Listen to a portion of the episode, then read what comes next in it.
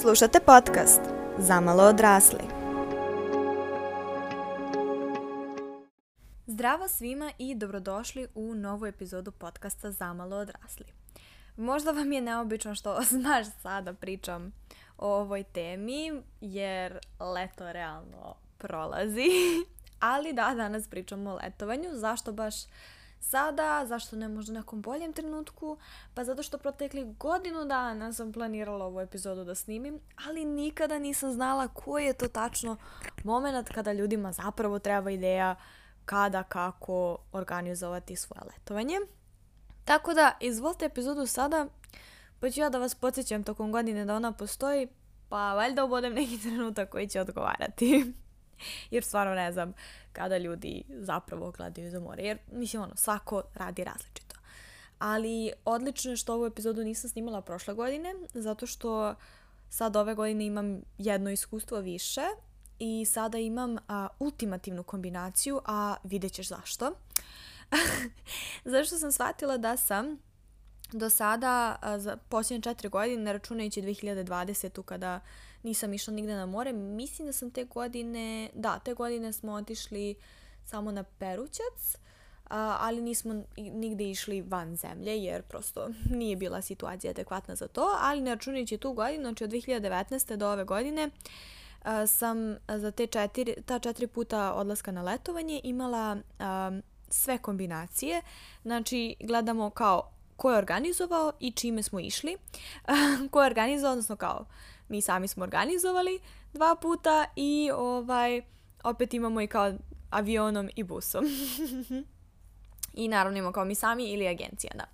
A, tako da, a, htela sam da podelim u stvari um, koje je neko moje iskustvo sa agencijama, sa samostalnim organizovanjem, sa putovanjem, sad zavisi da li putuješ busom, da li putuješ avionom, šta su prednosti, šta su mane i šta su eto neke stvari koje sam ja možda naučila u cijelom ovom putu, kao i ono tačno preko koga, gde, kako sam našla ovaj, stvari koje su mi bile potrebne. I da počnemo. Uh, počet ćemo prvo od znači, 2019. 2019 smo sami organizovali putovanje uh, i išli smo autobusom, mislim to nam je bilo glavno prevodno sredstvo, mislim jedino prevozno sredstvo, uh, gde sam išla uh, u Trst i Ljubljanu. Uh, proveli smo prvo tri uh, noći u Trstu i onda dve noći u Ljubljani. Uh, znači sami smo sve organizovali, šta to znači? To znači da smo pronašli sami uh, i prvo organizovali gde ćemo da idemo. Zašto baš Trst i Ljubljana? Pa iskreno ne sjećam se kako je pao Trst. Mislim da je to bilo neka ono, uh, veliki pregled uh, gde možemo da dođemo za normalno vrijeme busom, a opet gde je ok, šta je zanimljivo i slično. A onda Ljubljana kao mesto koje je bukvalno tipa Ljubljana je od Trsta tipa sat ili sat i po vremena busom i onda nam je prosto bilo bez veze da ne iskoristimo da skoknemo i dotle s obzirom da postoji redovna linija koja ide od Trsta do Ljubljane. Tako da ovaj, smo na taj način znači, organizovali gde smo pronašli smeštaj. Da, bili smo smeštani u apartmanima. Doduše, prvi apartman u Trstu uh, je u stvari to bio apartman koji je deo um, kompleksa, više kao, kao umjesto da imaš hotelske sobe, znači izgleda kao hotel, samo što su unutra apartmani, bukvalno izgleda kao zgrada sa stanovima. Mislim, ne, ne znam kako bi drugačije objasnila, ali ima dole recepciju i sve najnormalnije. A, to je nam odgovaralo zato što smo onda mogli da zapravo kupimo hranu i da kuvamo tu. Jer ipak a, zapravo za, tu, za to putovanje smo zaradili tako što smo radili tokom leta i kao stvarno nismo imali sad ne znam nija koliko novca da se razbacujemo. Tako da nam je bilo ok da pripremamo svoju hranu. Um, I iskreno meni je to bio, mislim, taj smeštaj bio savršen. Uglavnom živela bi u tako nečemu.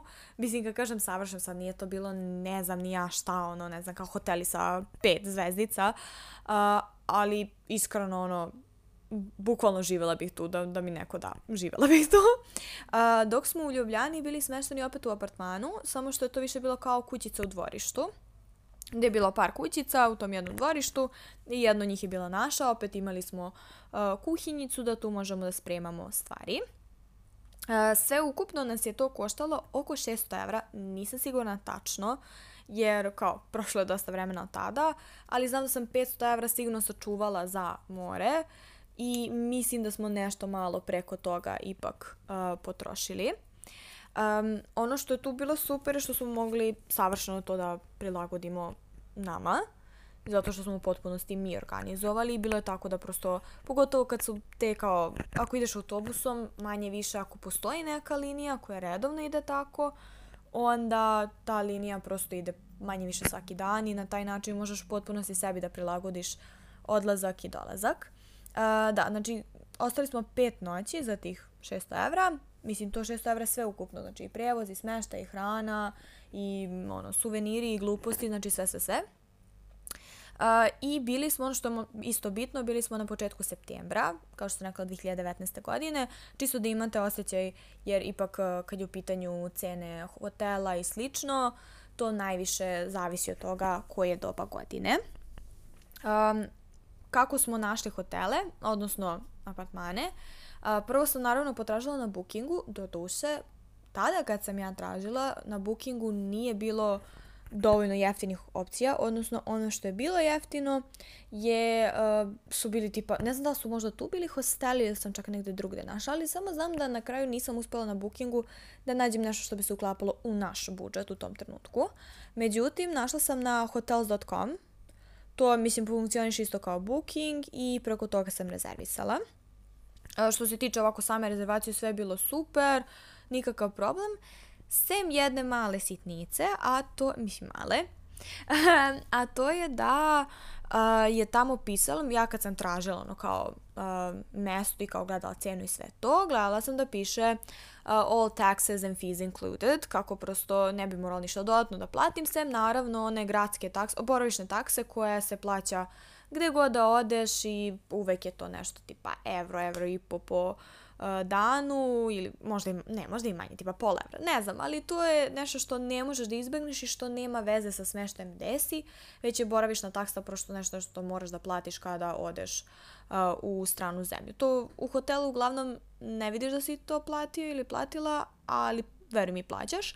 Uh, a na drugim mestima tipa apartmana i slično, uglavnom to platiš na licu mesta, čak i ako Ovaj, čak i ako uh, si sve ostalo platio ili platila preko m, tipa bookinga ili slično, ali mislim to je bukvalno samo par evra, to stvarno nije ništa specijalno, a međutim uh, u Ljubljani nam je naplaćen i cleaning fee i to 40 evra i sad mislim ono 40 evra cleaning fee za negde si proveo dve noći stvarno ono, bilo ne baš tako lepo iznenađenje, pogotovo što smo to platili na kraju kad smo se check-outovali.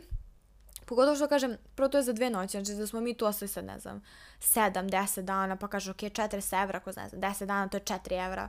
Više ne bismo mogli da nađemo ništa bolje, ali ovako da smo znali da ćemo platiti 40 evra, mislim to je po 20, ali sve ukupno 40, um, ne bismo verovatno uzeli to, već bismo dodali onda na tu cenu prosto 40 evra i onda tako upoređivali sa ostalim smeštajima.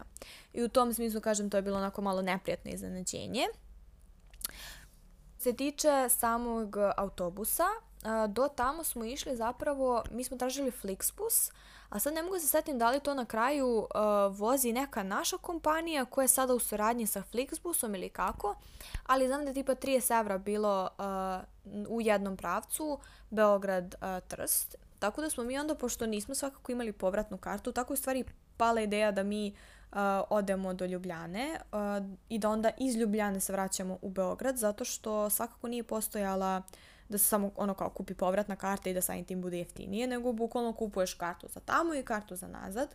I onda smo mi kupili jednu kartu Beograd-Trst, a druga karta Ljubljana-Beograd.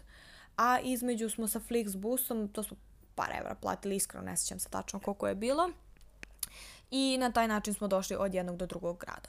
Što se toga tiče, kao sve je bilo u redu, tu apsolutno nismo imali nikakve probleme, ni sa Flixbusom, iako smo tu kao kupili karte online, imali karte samo online, trebali da odemo kao na nepoznatu autobusku stanicu, da nas odvede na drugu nepoznatu autobusku stanicu i slično.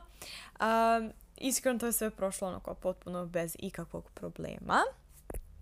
Jedina mana kod celog tog, mislim, to je meni mana, sad možda nekome to nije toliki problem, je uh, što je tako bio put Beograd-Trst da smo, pošto taj autobus zapravo nije išao samo do Trsta, nego je on nastavljao ko zna gde još, ali je stajao u Trstu i zato, pošto se tu putovalo tokom noći, a do Trsta treba tipa 6 sati ako pogledaš preko Google, ja mislim smo mi možda 9 sati putovali sa sve um, granicom i možda se stajalo tipa još negde recimo u Zagrebu ili tako nešto. Znam smo u povratku stali u Zagrebu, ali nisam sigurna da smo i na tamo. I onda smo mi zapravo stigli bukvalno u zoru tamo. Znači, kao bukvalno bio mrak kad su oni rekli uskoro stižemo u Trst, kao pripremite se ukoliko izlazite u Trstu. I onda kad smo mi izašli iz busa, otprilike tad je svanulo. Što znači da bukvalno mi nismo mogli, ne samo što nismo mogli da uđemo u hotel, nego što nismo nigde mogli da uđemo jer je bukvalno bilo tipa pet ujutru ili tako nešto. Tako da smo mi otišli sa te stanice, došli tu uh, na šetalište sa sve koferima, onako seli, ono potpuno ovaj, pogubljeni sve. I onda hteli da vidimo gde je prosto naš hotel, da znamo otprilike koliko imamo do njega. Smo mi hotelu bili najavili da mi ćemo doći dosta rano ujutru. A su oni nama rekli da se od 8 tek otvara recepcija i da onda možemo tada da dođemo da ostavimo kofere. Što znači da smo mi nekako trebali do uh, tih 8 da negde izblejimo. Srećom, mi smo dok smo dolazili do hotela, možda, možda nismo baš došli u pet, možda došli oko šest ili dok smo mi ono izašli do tu za tu možda već bilo pola šest, nisam sad već kažem siguran za detalje. A, ali znam da je tako svakako bilo pre šest ujutru. A, dok smo dolazili do, do hotela, koji je mislim bio stvarno blizu, jer prvo Trst je mali, a mi smo našli stvarno mesto u centru i samim tim blizu i te autobuske stanice, a, našli smo jedan kafić koji je tipa se otvara nešto u pola sedam ujutru ili tako nešto, ali jako, jako rano. Minijatur, minijaturan kafić, onda smo mi tu seli kao da popijemo ovaj, nešto, da samo sedimo negde i nešto radimo dok ne bude osam da možemo da odemo do hotela. I uh, zašto je taj kafić tako bitan? Iako ovako Mislim, verovatno da nije bio jedini otvoren kafić, nikad ne bih ušla u njega, jer baš onako izgleda neki mali, onako za lokalce kafić, uopšte nije za turiste. A, međutim, imao je tako dobra peciva, odnosno uh, krasane i nešto slično tome. Znači, a, a ja obožavam te stvari. Jo, ja sam to svako jutro tamo jela. Znači, ja mislim da kad bih sad ponovo prošla, prolazila samo pored Trsta, ja bih stala samo da odem tamo da kupim to pecivo. Ali, da se vratimo na poentu. I sećam se, baš smo tada sedeli u kafiću i bilo je kao, joj, kako bi bilo divno da oni nas odmah puste u sobu, a znaš smo, nema šanse jer tipa check-in bio nešto, ne znam, oko 1-2, kao i obično što je check-in. Ali kao, ajde, ajde, jo, bilo bi divno, smo mi umore, pogotovo što ja ne mogu da spavam u autobusu kad putujem, džabe što smo mi putovali celu noć kad ja oka nisam sklopila. I dolazimo mi sad tamo i valjda dalje ona žena videla smo mi, uh, ono, znači da ne znamo da se nalazimo kako nam se spavali. Smo mi bukvalno u 8.01 došli do recepcije. I ona je nama zamijenila sobu koju je trebalo da dobijemo uh, za sobu koja je bila spremna. I mi smo u 8 i tipa 15 ušli u sobu. Naravno, mi smo samo komirali narednih sat vremena. jer nam se spavalo. I onda tek otišli da obilazimo, ali to je bukvalno bila najdivnija stvar zato što su nas tako rano pustili u hotel i stvarno hotel je bio ono fenomenal, mislim toga, taj kompleks apartmana i bilo nam je super. Um, dalje smo opet sve što se tiče obilazaka, obil, mislim sami organizovali, koristili smo gradski prijevoz da uh, ono, dođemo do mesta koje treba. Recimo Miramare, uh, tvrđava koja se nalazi ajde kažemo nadomak Trsta, dotle je bila redovna linija, ono, bez problema smo se snalazili, tako da bilo je zaista sasvim, sasvim u redu. A to je inače bilo prvo zajedničko putovanje koje smo sami organizovali kao ono potpuno sami. Pre toga smo ovaj, išli uh, na nešto što je organizovano sa agencijom, ali ovo baš bilo ono da smo prvi put ono kao sa svojim novcem uh, sami, ono, sami zaradili novac, sami uzeli uh, i organizovali sve to i kao baš mi je bilo drago što ono, kao, je to sve prošlo tako kako treba. Sledeće je uh, kažem 2021. jer 2020. nisam nigde išla. A, I a, tada sam išla preko agencije, ali opet autobusom i a, išla sam u Ksamil u Albaniji.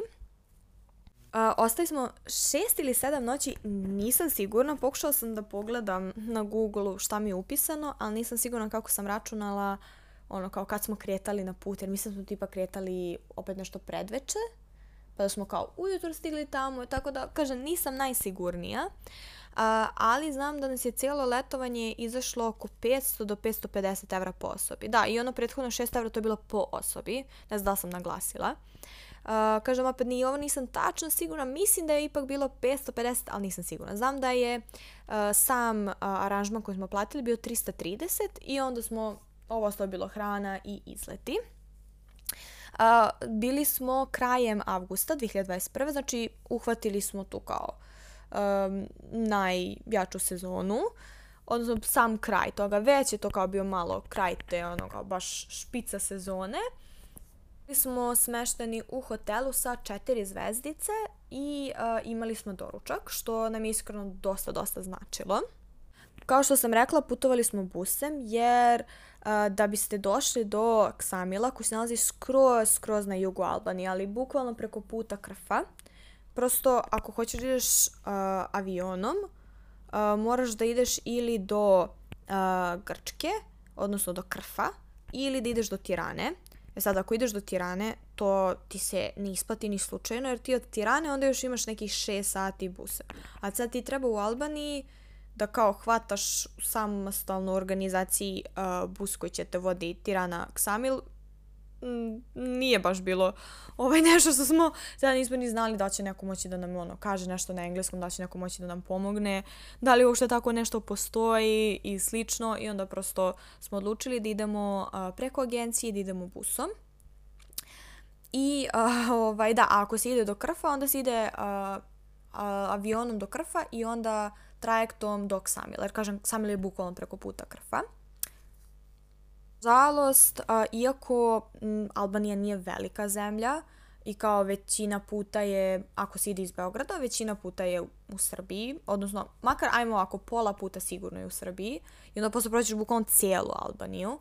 A, međutim, iako to ovako, kad gledaš na mapi, ne izgleda puno, Problem što su tamo dosta loši putevi. Mislim, sada rade na njima, postoji bolji.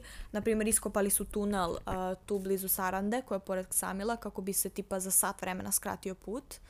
Ali i dalje put je nama trajao 15 sati sa minimalnim zadržavanjem na uh, punktu, uh, na, na pri ulazu na Kosovo, pošto zapravo granica između uh, Srbije skroz na jugu i Albanije više ne postoji, tako da se samo staje uh, pri ulazu na Kosovo i Metohiju i tamo se daju lične karte, ne može se da pasoš, uh, zato što nije granični prelaz. I kao stvarno smo se tu mini, minimalni, minimalno zadržali i dalje je bilo 15 sati, tako da što se toga tiče je stvarno ono pakao. Ali dobro, nekome je to ok, neko može da spava, jer kažem opet, išlo se nešto preko noći. Sad tačno kad se kretalo i kad se stizalo, nisam sigurna, ali znam da smo stigli oko 9 ujutru, pa sad vi računajte kad smo krenuli. Nama je agencija, znači preko nje smo izabrali smeštaj i onda je uz to išao autobus. Znači zapravo zato smo mi i uzeli jer ne postoji ni jedan autobus koji vozi od Beograda do Ksamila ili generalno bilo gde u Albaniji, znači postoji jedino, znači jedina veza između Beograda i Tirane recimo je avionom. Ovako autobus prosto ne postoji. Uh, I kažem zbog toga smo morali da uzmemo agenciju. Uh, tražili smo, bilo je raznih agencija, bilo je raznih ponuda uh, za nekoliko destinacija. Uglavnom destinacije u Albaniji su uh, Drač, Valona, uh, Saranda i Ksamil. I tim redom idu kao od severa ka jugu. Uh, I mi smo sve to kao najnormalnije, kod njih ono, uzeli ceo taj aranžman, uplatili, sve super, sve divno. Međutim, mi već kad smo došli do busa smo shvatili da ta naša agencija u stvari samo preprodaje taj paket. Odnosno, mislim, ta već nismo bili sigurni tačno šta, gde, kako, ali smo shvatili da nisu samo ljudi iz naše agencije u tom busu. Sad, ko, kako su oni tačno rezervisali mesto u tom busu, da li oni samo preprodaju to ili um, kao nemaju dovoljno ljudi za ceo bus pa dele bus sa nekom drugom agencijom, nisam sigurna, ali uh, niko od predstavnika naše agencije nije išao sa nama zapravo. Znači oni su samo nama preneli gde i kada mi treba da budemo. I mi smo ono sada došli najnormalnije sve, ok, super, u busu nije, kažem, bilo nikakvih problema. I sad uh, treba mi da izađemo i prvo se izlazi u Sarandi, a naš kofer je završio tamo gde treba da bude kofer i za Sarandu. Ja, hvala Bogu, ja sam shvatila šta se dešava i onda smo izašli i vratili naš kofer nazad u bus, inače bi nam kofer ostao u Sarandi. Uh, I dobro, dolazimo mi sad konačno do Ksamila i kao, okej, okay, oni, sad ne znam, idu od jednog do drugog, bukvalno razvoze. Mislim, Ksamil je jako mali, to je bukvalno mestašce, ali ono, svakoga su praktično dovezli do ispred hotela. Sad kao ide jedan, drugi, ja kao sad će naš, sad će naš, sad će naš. I oni kao izbace kod posljednji to je to. I mi kao, hm, a, mi nismo došli do našeg hotela. I sad mi dođemo do uh, predstavnika te agencije neke druge koje su bili tu i mi u fazonu izvinite, mi smo tu, tu, tu, bla, bla, bla. Oni kao, pa nama piše da, vi, da ste vi kao u Sarandi. Mi kao, nismo. Ovaj, mi smo tu i sad pokažemo kao koji hotel, sve nađemo tačno u onome šta smo, ne znam da smo tačno imali, ali koja je rezervacija i sve. To je neko, aha, dobro, dobro. I uh, uzme nas i kolima taj jedan od njihovih predstavnika koji je tamo, pa je on došao automobilom, da ne bi se sad bus dalje ovaj, zavlačio, ode i odbaci nas tamo. I super je on naš hotel divan, baš lepo izgleda onako s polja, super, već vidimo i gde je plaža, otprilike baš onako divno i dolazimo mi sad na recepciju, no klasično, kao, dobar dan, imamo rezervaciju, bla, bla, bla, i ona nama kao uzme nam pasošte da pogleda za rezervaciju i kao, pa ali vi nemate rezervaciju. Mi kao, hm, kako to mislite nemamo? Pa kao, ne postoji. Kao, nigde, ne, ništa, ja već na ivici suza. Verovatno sam počela već da plačem, jer kao prvo, naravno, dosta ljudi kad smo rekli da idemo u Albaniju, sve to, su nam se ono popeli na glavu zbog toga, mislim, svašta nam napričali ovo ono, mi kao ne, niš, nema veze, nema veze, sad dolazim tamo i ono, nemam mesto u hotelu, znači kao već najgora stvar koja je mogla da se desi. Ja, šta je bilo kako, I ovaj, mi u fazonu pa dali, mi smo preko agencije rezervisali, mi bi trebalo. I uspe, a mnogo je bila fina žena na recepciji, uspe ona da izvuče, našla je sad, ne znam kako, da li je preko imena agencije ili šta, našla je prepisku hotela sa agencijom i ispod da, oni su pitali da li postoji, ne znam, takva i takva soba koju smo mi zapravo tražili i ovi su rekli da, ima slobodna soba u tom periodu, takva i takva, da li vam ova soba odgovara? I naša agencija nikada njima nije potvrdila da odgovara. I samim tim oni nikada nisu napravili našu rezervaciju, jer ovi, ovi su ih iskulirali.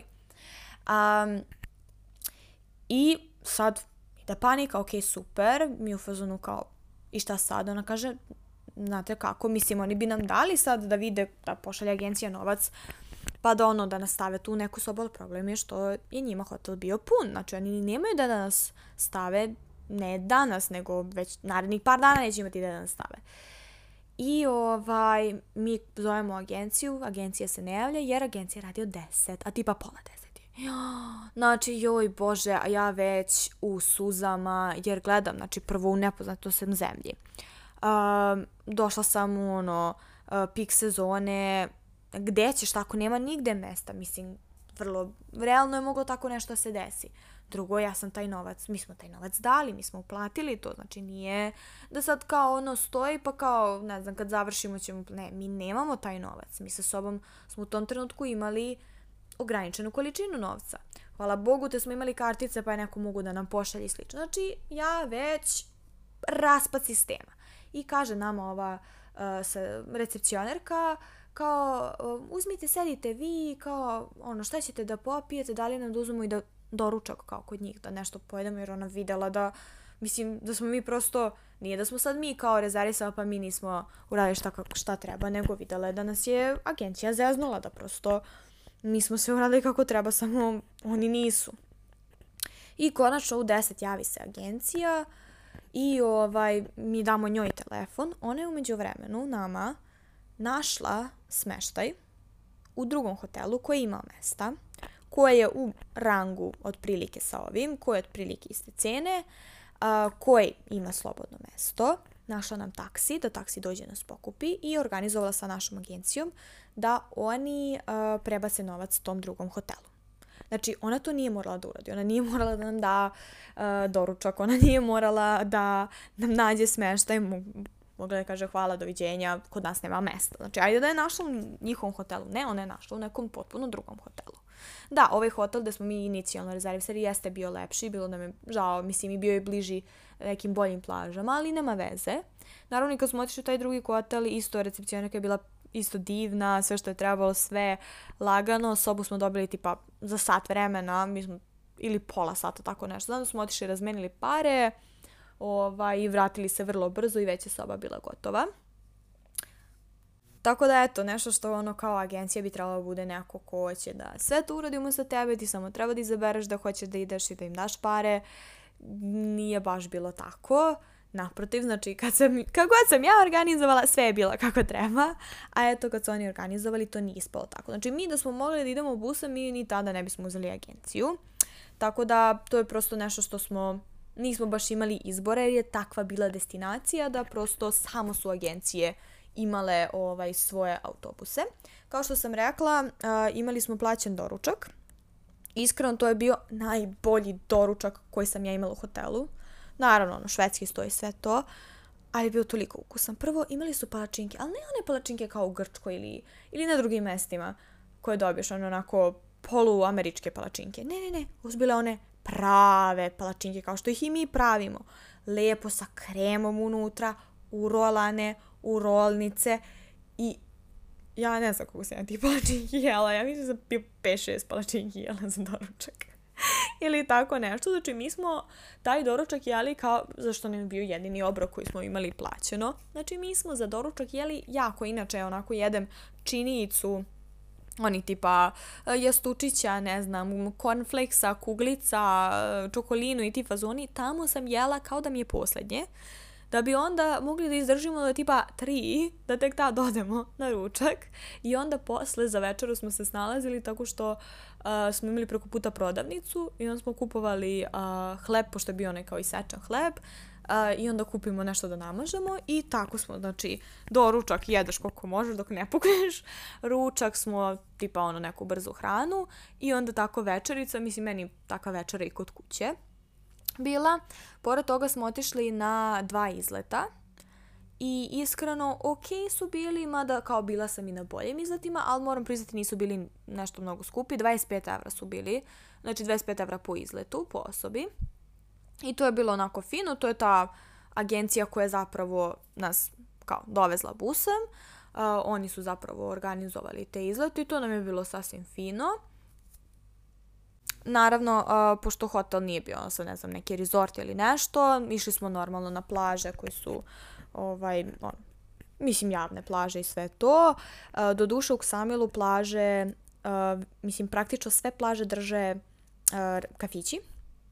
Samim tim ti bukvalno nemaš, imaš jako, jako malo mesta gde da staviš kao svoj peške. Znači nema ono kao, ne znam, recimo u Grčkoj ili, ne znam, Crna Gora i slično, gde imaš deo gde kafić ili neki hotel ili nešto sa nekim ležaljkama i koje ćeš naravno platiti, a onda imaš i deo da ti možeš da prostraš svoj peškir. Ne, ovde bukvalno uh, toliko malo ima mesta za prostiranje peškira i to gde hoćeš da staviš svoj peškir ili tako nešto, to je bukvalno ono neki ono potrljak koji niko nije mogao da zauzme. Tako da što se toga tiče, to je onako baš bilo samo ležaljke, samo ležaljke, mada kad smo mi bili, do duše ne znam kakva je sad situacija, nisu bile toliko skupe. Išlo je tipa 1000 do 2000 dinara za ono kao dve ležaljke i suncobran.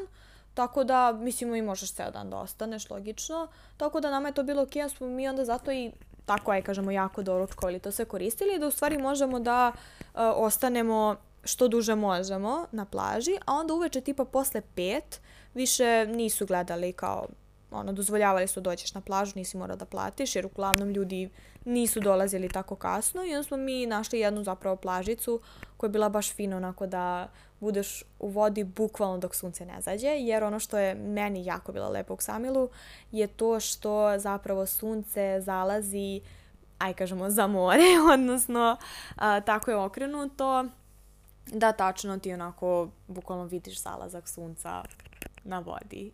Tako da što se toga tiče, to je stvarno bilo prelepo. Kad smo se vraćali nazad, opet nije bilo nikakvih problema, ništa specijalno. Tako da, eto, to je kako smo se mi tu snašli. Nismo koristili nikakav prevoz dodatni unut... kad smo došli tamo, znači ono, došli smo busem, nismo... Gradski prevoz ne postoji unutar samog Samila jer je mali. Uh, ima samo recimo ko ćeš da ideš do Sarande i slično, jer je to tipa sat vremena, ili tako, možda i manje, nisam sigurna više. Uh, jedino, kažem, te izlete, ovako smo išli peške do plaže, jer prosto nismo teli da ono, dajemo pare na taksi i slično. Sledeće putovanje je bilo organizovan strane agencije, ali smo išli avionom i to u Hurgadu. To je bilo prošle godine, krajem septembra. Uh, ono što je tu bitno napomenuti je da je to, iako ono kao septembar, pogotovo kraj septembra, obično nije više aj kažemo onaj pik sezone, nego je neka slabija sezona ili kraj sezone, kako, zavisi kako gde. Uh, u uh, Egiptu je zapravo to sezona, s obzirom da tokom jula i avgusta je tamo pakao. Uh, samim tim septembar je ono savršeno da tamo budeš.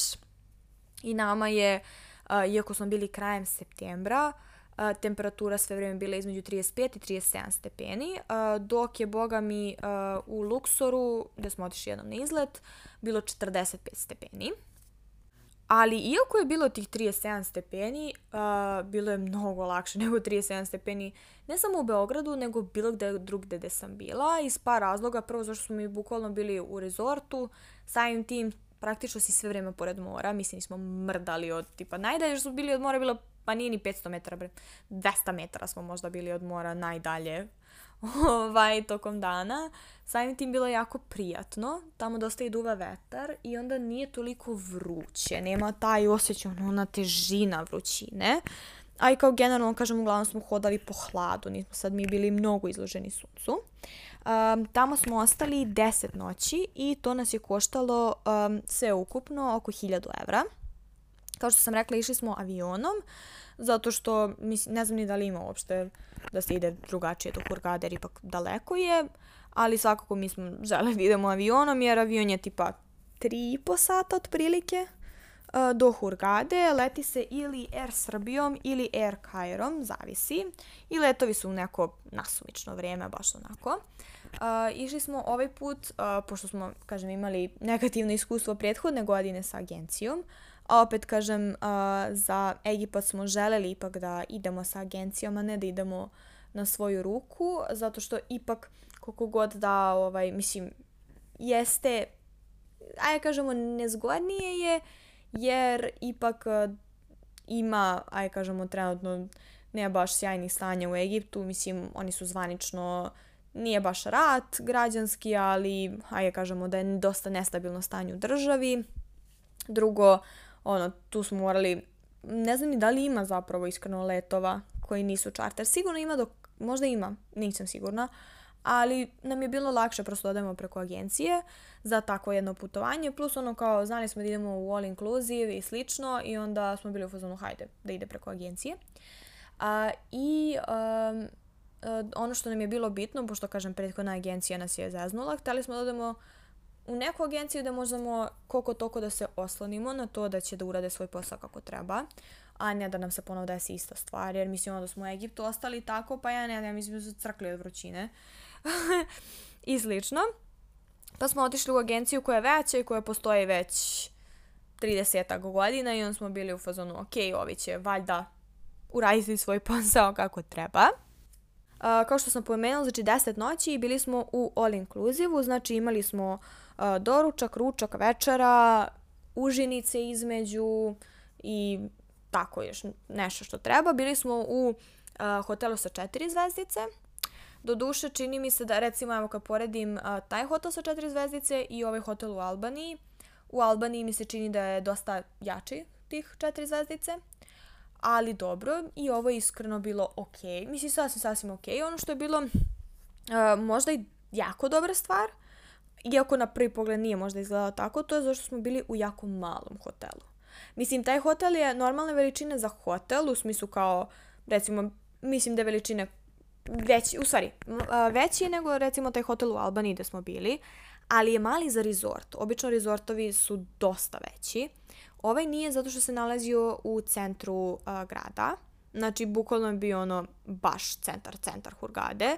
I samim tim on je dosta star, dosta dugo je tu i dosta je mali. Jeste to znači da je mala plaža, znači nema ono onako da puca plaža na sve strane, nego je dosta mala plaža koja je bukvalno samo ušuškana tu između ovaj velike plaže za uh, grad, mislim bukvalno gradske plaže i s druge strane ne znam šta je bilo, znam samo da je tu onako nekako malo uvalica bila.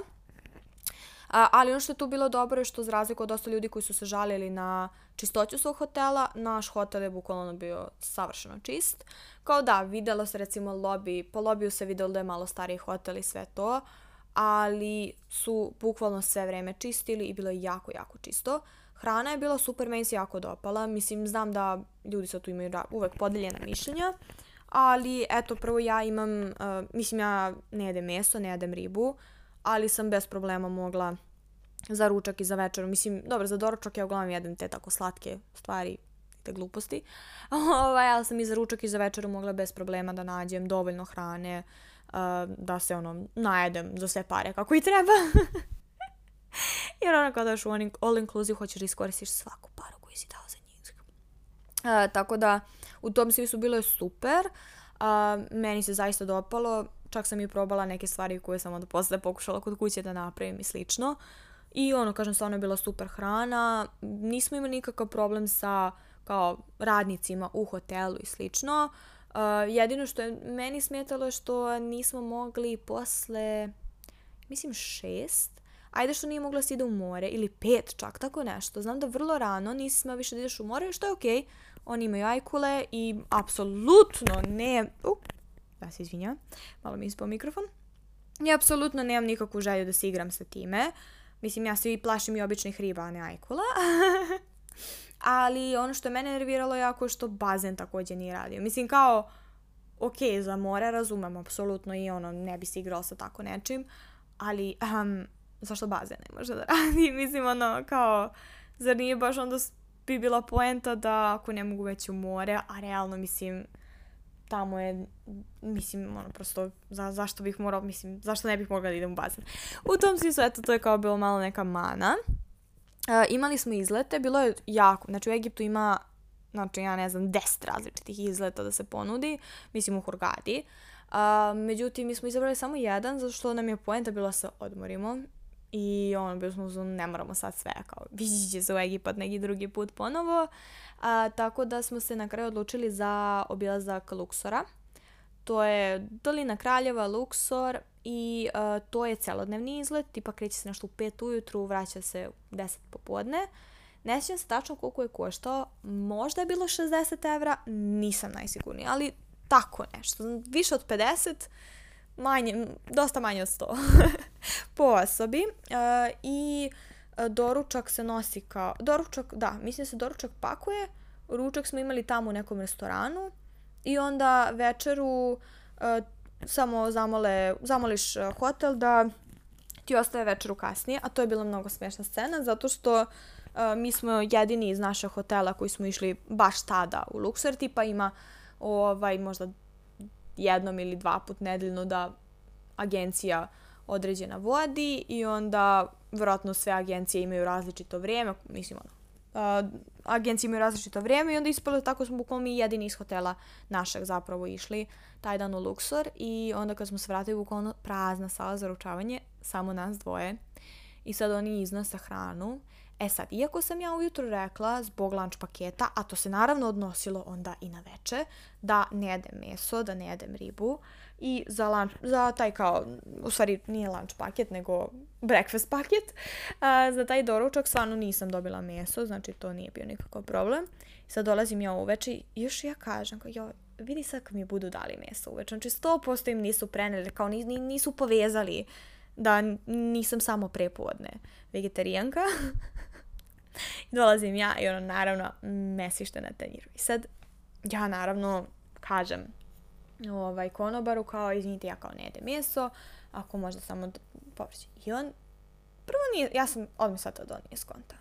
E sad ja imam veliki problem što ja engleski, ne samo što pričam od svoje pete godine, nego što ja i predajem engleski. I ja, ja, nisam, ja nisam znala kako ja da njemu prenesem samo ključno ono što je meni bitno, a to je ne meso. I ja sam njemu bukvalno bila u fazonu no meat, no meat. I on me gleda, a mlad, baš mlad konobar, i on me gleda i kao kline glavom, odlazi u kuhinju, vraća se iz kuhinje sa još tri vrste mesa. Joj. A ja da poludim. I znači on je shvatio da se ja bunim kako, kako nema dovoljno mesa. I on je meni donao još mesa. A ja samo sam htjela još nešto, tipa mislim da je bilo tipa tri krompira pored, ono. Mislim, baš su iskreno, baš sam bila tužna jer su nam ostavili toliko malo hrane. Kao, brate, ono, bac, znam da bacate tu hranu, jer kao švedski stoje i za večeru i za ručak, nema me zezati.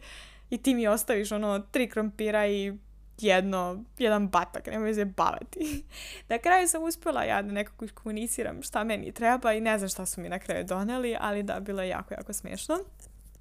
Što se tog tiče iskustva sa agencijom, bilo je ok, kao, mislim, uradili su sve što treba. Ono što recimo meni bilo malo bez veze je to što recimo nas nisu upozorili na činjenicu da uh, tamo nećemo imati, da to što piše da ima internet u hotelu, da ima u lobiju besplatan internet samo za WhatsApp. Znači, bukvalno samo za WhatsApp. Ništa više nije mogla, Google nisam mogla da uključim. Ništa, ništa drugo. I da se sve ostalo plaća. Mislim, kao, ako, brate, imam all inclusive, valjda očekujem da imam internet. Mislim, da li je moguće da moram 2022. da doplatim za internet? Mislim, stvarno, ono, to je nešto što nismo očekivali. Uh, I, znaš, nisu nas posavetovali da kupimo već na aerodromu i da odmah imamo, da kupimo na aerodromu one kao SIM kartice, da odmah imamo internet. Mislim, nije taj internet skup, Uh, mi smo, mislim, platili 10 evra, uzeli smo jednu karticu i onda ono kao hotspotovali jedno drugo, tako da to nije bio nikakav problem, ali eto, to je nešto što sam ja očekivala da će agencija da mi kaže ako već tako negdje idem. Ono što nam naravno jesu rekli tamo kad smo došli i to sve, uh, to je naravno da treba kupimo probiotik jer znate svi da u Egiptu uglavnom ljudi dobiju stomačne probleme.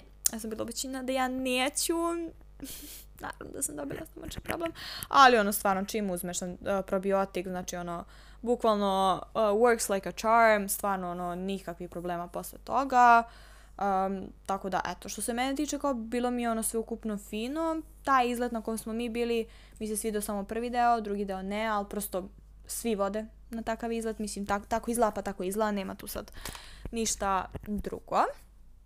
Ali tu do duše sad, sad sam svetan, moram da prokomentarišem da svi pljuju Air Srbiju. I kao, ne, ne kažem da Air Srbija ne znam nijako koliko dobra. Ali moram priznati da, im, da Air Srbija ima udobnije autobuse nego Air Cairo. E, autobuse, bože. Avione. Zato što a, najneudobniji autobus, ko, uh, opet autobus, milicija, milicija, avion, avion. Najneudobniji avion u kom sam bila je definitivno Air Cairo. Evo sad sam baš bila vizerom i i vizer ima udobnije. Znači ja stvarno ne, znači ja sam stvarno ne pretrano velika osoba. Znači ja sam 1,65 Ja bi trebalo uvek da imam mesta za noge. Ja nisam imala mesta za noge. Drugo, ono kao da sam na dasci. Kao da je daska bila ovaj, za leđa, a ne ovaj, naslon. Znači ono je stvarno bilo jezivo, ali dobro, mislim kao ono, uzleteli, leteli, sleteli, sve je bilo okej. Okay. I na kraju dolazimo do ovogodišnjeg letovanja koje se desilo pre par dana, tako da znači početak septembra 2023. I ovo je u samostalnoj organizaciji, ali smo ovaj put išli avionom, a, leteli smo vizerom. E sad kako smo našli i zašto baš Zakintos? A, zato što smo videli na Instagramu da imaju jeftine karte a, za Zakintos i bukvalno to je To je bukvalno jedini razlog. Nikad nisam pre bila na Zakintosu, iako sam bila uh, u Grčkoj uh, puno puta, više puta nego što sam žala. Šalim se, ok mi je Grčka, kao ima stvarno delova koji su jako lepi, ima delova koji mi se ne dopadaju toliko, ali ovaj, Zakintos je fin. Ono što mi je najsimpatičnije je što sam tri put bila ovaj, na grčkim ostravima i tek sam, kad smo se vraćali, skontala da sam zapravo napravila bukvalno ono turu, jer sam bila na Lefkadi, a, južno, ali od, kad kažem južno, mislim kao odmah ispod se nalazi Kefalonija na kojoj sam bila i odmah ispod nje je Zakintos, tako da sam sva ta tri ostrava overila. um, tako da, eto, to je ono, smiješan fun fact. Um, bili smo četiri noći i platili smo to oko 350 evra po osobi ukupno. Zašto samo četiri noći? Pa zato što je bukvalno bio avion u utorak ujutru i onda avion u subotu uveče. Tako da to smo iskoristili tako. Da smo mogli da možda odemo na onaj sledeći uh, nazad. Da, ali nam je to baš bilo mnogo, uh, tako da smo odlučili da ovaj put odemo kraće na more. I iskreno, uh, kad smo kao plaćivali i kad smo organizovali sve, bilo sam ono, jao, da li idem tako kratko kao, to je baš kratko.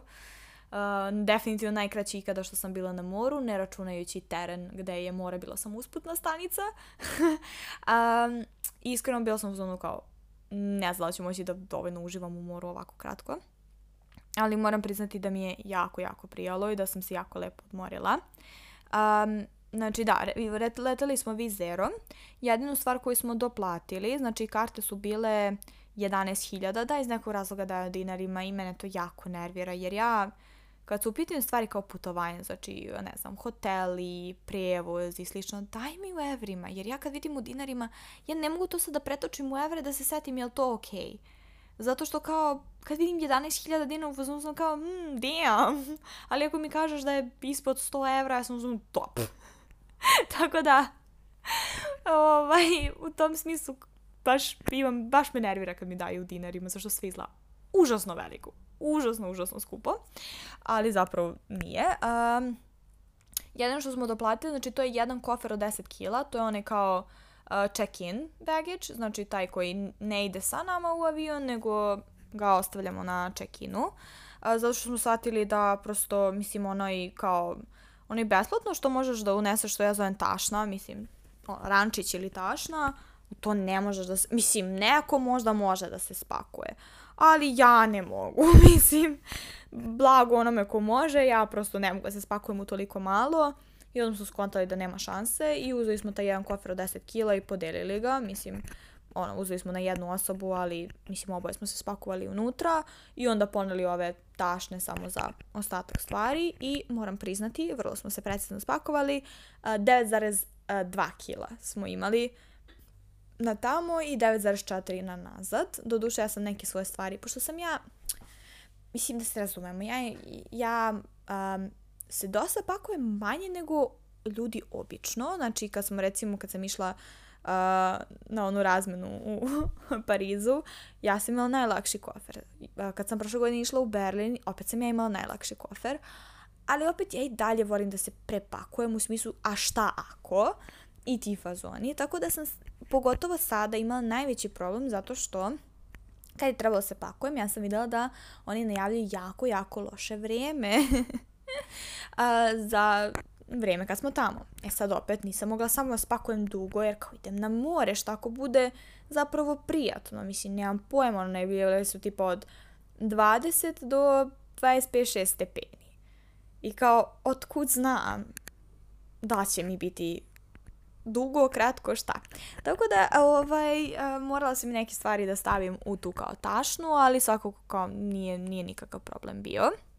Uh, Nismo doplatili za ono kao zajedničko sedenje, niti da biramo mesta, jer smo bili u fazonu sat i 40 minuta je put, a ne, sedeću sama, nije problem nikakav. Kao sedela sam sama na takvim letovima. Da je sad, ne znam, let od 6-7 sati, ok, platit ću. Mislim, tipa ne znam koliko se doplaćuje, hiljadu i po, po letu, po osobi, tako nešto. Da, da, kao plaćaš po osobi. Ovaj, da bi se mogli, ne možeš da kao razumete što hoću kažem, dobro, nema veze. Uh, do duše, kad smo se vraćali nazad, smo zapravo sedeli zajedno, jer smo dobili karte koji su u istom redu, samo što sam ja dobila A, a on E mesto, ali devojke koje su sedele pored mene su se prebacile u red ispred i jel to smo samo se prebacili, sedimo zajedno i to to. Tako da u tom smislu oni daju da se premeštaju ljudi, to nek, nekad daju, nekad ne. Recimo uh, kad smo dolazili, um, mog dečka su prebacili, on je imao mesto tipa 10 redova ispred mene, ono, middle seat i to sve, ali su ga prebacili na emergency exit, jer niko nije uh, bukirao ta mesta. Ta mesta se doplaćuju jer su to one sa kao uh, extra leg space.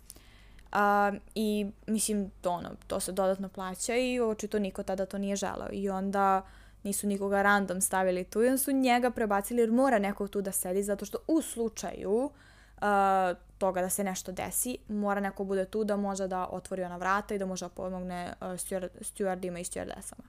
Tako da on je na kraju dobio njega baš bilo briga, on je sedao sam u rijedu, imao je mesta za noge ono kako hoće, a meni je bilo okej okay, jer se lik koji je sedao između mene i neke devojke, pošto sam ja imala ono aisle seat, prebacio negde napred, tako da na kraju opet sam imala mesto i meni je bilo super. A, ovako što svih ostalih stvari tiče, nikakvih problema nismo imali, ono, torbe nisu pregledali kolike su, ali naše torbe su svakako bile adek, ono, adekvatnih veličina, ali nisu, kažem, gledali ovaj put uopšte, samo su merili ovaj taj kao check-in baggage, tako da što se toga tiče sve je prošlo ok, ja sam to naravno preko Vizer sajta rezervisala, ništa specijalno.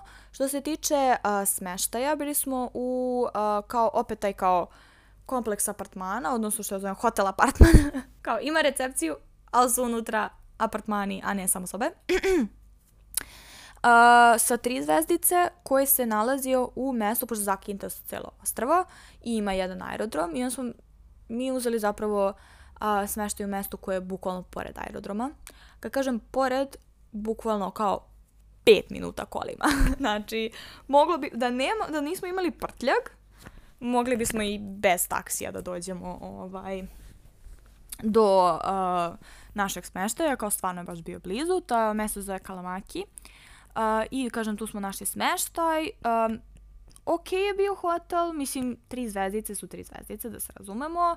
Nismo imali plaćano ništa ni ono doručak, ručak večera, s obzirom da smo uzeli apartman, da bismo mogli mi da spremamo. Um, kažem, nije bio ništa specijalno, ali sve je bilo funkcionalno, bilo je čisto, Uh, unutra nameštaj bio novi, ali se videlo da je hotel dosta ranije sagrađen, po kao tome kako su izgledale sobe i slično. Doduše, naša soba, mislim, realno nabi, nas bi ovo ispalo jeftinije da nas išlo više, jer zapravo naša soba je bila za četvoro. Uh, to je bilo smešno kad smo prvo ušli, mislili su da su nam opet dali razvojene krevete, jer nam se to dešavalo ranije.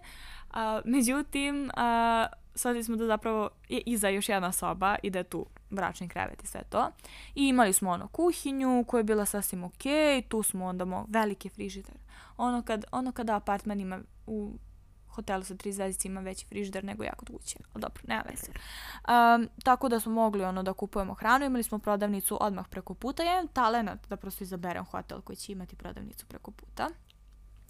I bili smo relativno blizu plaže. Pisalo je 15 minuta uh, uh, na kao Google. Doduše ja sam skontala da Google vodi po nekim ulicama, a da tu verovatno ima neki putić koji može to prekrati, bila sam pravu.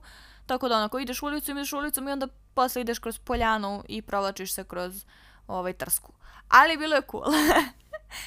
Plaža je bila dosta velika i to mi iskreno nedostajalo jer prethodnih godina da god sam bila su bile skraćene plaže.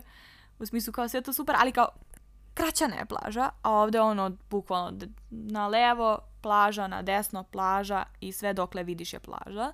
Uh, I bila je sa onim finim, divnim peskom, jer ja mnogo volim pesak. A opet bilo ono stenje ogromno, što ste mogli možda i da vidite u videu. Uh, bilo je ogromno stenje tu, tako da bukvalno ono, onako, baš je bilo lepo. Uh, vrijeme zaista nije bilo sjajno, ali moram priznati da sam ja upravo ovim letovanjem otkrila da se meni zapravo sviđa kada vreme nije toliko lepo na moru, u smislu kad kažem lepo, mislim ono što se standardno smatra, to je sunce, vrućina, prži, bzz.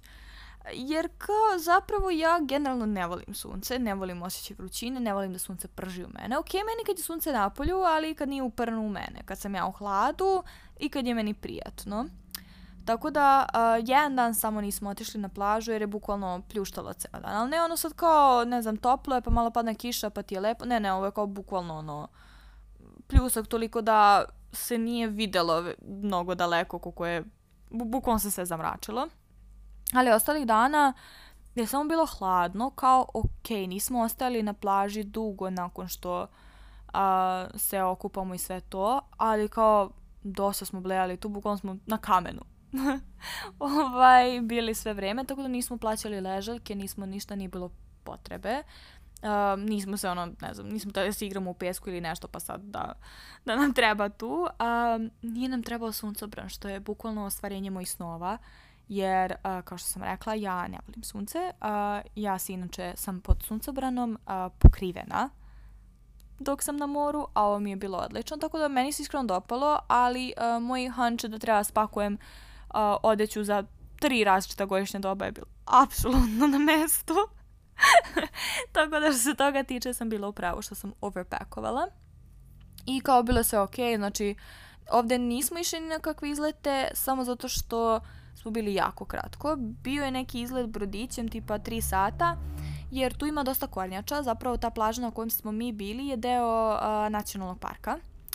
Um, I tu ima točno ograničena mesta. Doduše, mislim, nažalost, to je da, turističko mesto i tu se kupaš i sve. Doduše, kornjača tu u vodi dokle smo mi išli, s obzirom da su talasi bili ogromni, mislim mi kornjače videli nismo.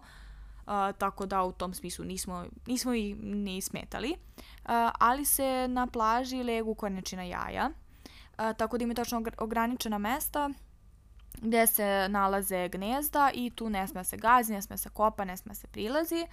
A, tako da, eto, i onda ima sad neke te kao ture da se ide da se vidi neko ostravo i da se gledaju kornjače i sve to. I kao, problem bio što svakako pitanje je bilo da bismo mogli da odemo zbog nestabilnog vremena, jer ipak jedna stvar je kad si ti na plaži, druga stvar kad si ti na brodu, dok je oluja i slično. A, tako da, smo, pošto smo opet, kažem, bili jako kratko, odlučili da nećemo ići. Da smo ostajali duže, išli bismo sigurno, Ali eto, tako da bilo nam je fino, jedino što su za taksi drali, jer kao što sam rekla, bukvalno 5 minuta je aerodrom. Mislim, stvarno, bukvalno može da se uh, prošeta desetak minuta peške do kraja piste. Mislim, nažalost, samo ulaz u aerodrom je dalje. Treba 45 minuta peške, samo zašto mora se ide malo okolo. Um, ali kao bukvalno ono, mislim gledali smo avion kako sleće, znači kao baš je tu blizu, ali oni su i 20 evra za taksi. Mislim kao za, bukvalno vožnju od 5 minuta su uzimali 20 evra, tako da što se toga tiče, mislim ne može da se izbjegne samo ako ne, ne znam, neko neće da pešači, ali opet kažem, malo je mnogo.